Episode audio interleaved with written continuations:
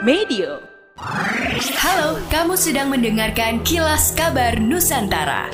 Podcast persembahan KG Radio Network menyajikan berita harian yang mengangkat keunikan dari berbagai wilayah Indonesia. Kilas Kabar Nusantara dapat juga didukung oleh pengiklan loh.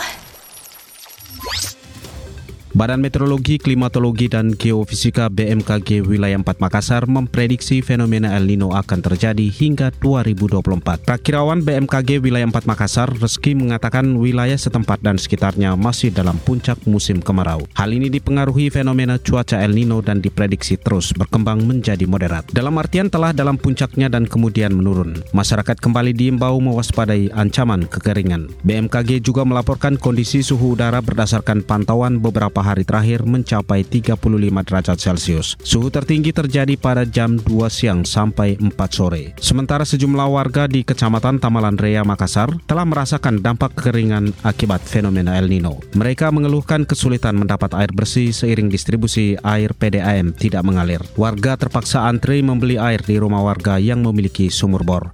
Dinas Lingkungan Hidup DLH Kota Makassar mencatat kualitas udara di Kota Makassar masih dalam kategori sedang. Hal ini berdasarkan pantauan melalui Indeks Air Quality Monitoring System atau AQMS. Posisi berada di angka 50 lebih. PLT Kepala DLH Makassar Ferdi Mokhtar mengatakan kategori sedang berarti masih bagus untuk kesehatan baik manusia dan hewan. Dia menjelaskan beberapa faktor yang mempengaruhi polusi udara di Makassar, seperti dapat bersumber secara alami dari debu, asap kendaraan bermotor, asap cerobong dari pabrik, fluktuasi suhu dan kelembapan.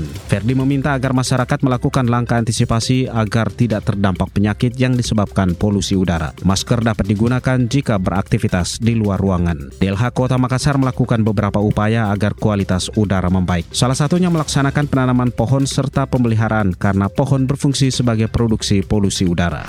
Demikianlah kilas kabar Nusantara pagi ini.